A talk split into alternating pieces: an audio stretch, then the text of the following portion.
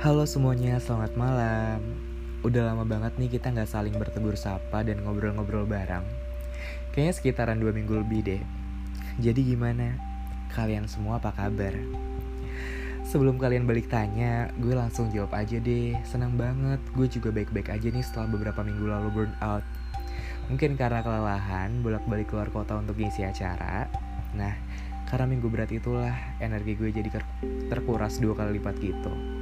Jadi yang tadinya mau nulis dan nyusun skrip untuk episode 4 jadi ketunda-tunda dan berat banget rasanya. Tapi sekarang I thank God karena semuanya udah bisa gue handle dengan baik.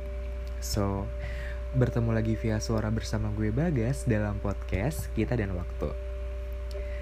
Sebenarnya gue juga nggak tahu bentukan podcast episode 4 ini bakalan kayak gimana. Jujur mungkin simpelnya kayak cerita panjang yang gue rumuskan lebih singkat dan sederhana aja kali ya. Jadi pesan suara yang bisa kalian dengarkan sekarang. Untuk arti dari obrolan ini atau maknanya mungkin bisa kalian dapatkan setelah podcast ini selesai kali ya. Udah siap kan? Oke kita langsung masuk aja. Tentang beberapa hal yang dilakukan secara terus-menerus hingga segala tindakan repetitif itu bisa disebut sebagai kebiasaan. Well, awalnya aku nggak terbiasa untuk instead of melakukan hal-hal yang aku sukain sendiri gitu the world just wanna let me know kalau hidup itu ternyata gak cuma dinikmati dari satu perspektif aja terkadang kita harus mencoba menggunakan berbagai kacamata atau bahkan mengganti lensanya untuk bisa melihat sudut pandang lain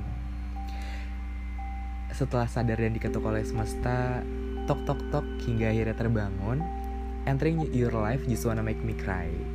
Bukannya lebay atau gimana gitu ya. Tapi for some reason aku ngerasa kayak hidup kamu begitu bermakna. Jauh lebih bermakna daripada hidup aku. Kamu yang begitu baik, kamu yang begitu lembut, meskipun mungkin sering kali ku dengar dari mulut orang lain hal-hal buruk tentang kamu. But hey, the truth will be show you the truth. Ternyata memang mereka yang ngebenci kamu itu gak pernah tahu apa sebenarnya tentang kamu. Seperti yang udah aku tulis kemarin-kemarin di stories, kuluapkan beberapa hal dengan kata-kata yang kurang lebih seperti ini bunyinya. Tolong ajarkan aku sesederhana, sesederhana dirimu saat menghidupi hidup. Ajarkan aku setulus dirimu saat berbuat baik tanpa mengharap balas. Ajarkan aku seteduh dirimu saat memandang sesuatu yang mungkin kurang kamu setujui. Dan yang terakhir, Ajarkan aku secepat dan semudah itu melupakan sesuatu, seperti saat kamu menghapus aku. Penggalan puisi tersebut kutulis karena tiba di minggu berat lalu, aku ketemu sama banyak orang. Kalian tahu sendiri kan, people nowadays yang, hmm, gimana ya? Mungkin terkadang terlalu menganggap dirinya sebagai seseorang, sampai lupa untuk menghargai seseorang yang lain. Akibat seringnya bertemu dengan seseorang yang hobinya mengkritisi orang lain, tapi lupa untuk mengkritisi dirinya sendiri, aku jadi flashback at the moment when I was with you. Kamu yang berhasil mendinginkan aku. Kamu yang selalu mau mendengarkan seluruh cerita aku. Dan lagi-lagi, kamu yang selalu menawarkan jalan keluarnya. Terbesit dalam benak, is this even real? Ada apa nih? Tiba-tiba semesta ngetrit aku sebaik dan selembut ini.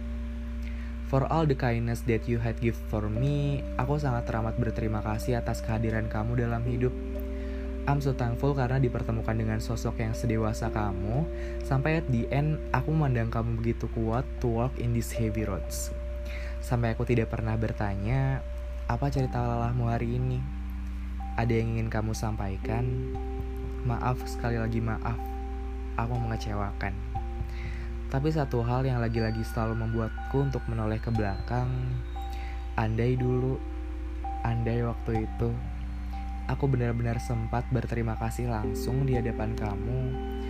Aku pengen kamu benar-benar dengar bahwa aku senang banget dipertemukan sama kamu. Tapi bener ya kata orang-orang, penyesalan selalu datang di akhir.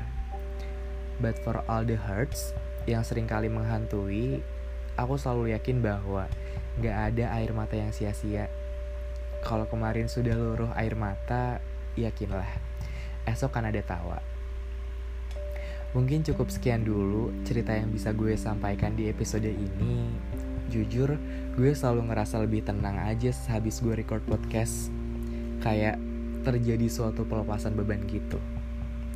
Jadi tolong, please banget, treat someone that you love dengan sepenuh hati karena as a human, kita nggak pernah bakal tahu kapan seseorang itu bakal meninggalkan kamu pergi. So, gue Bagas pamit undur diri. Terima kasih untuk sudah mendengarkan podcast episode 4 ini. Sampai ketemu di episode selanjutnya. Dadah.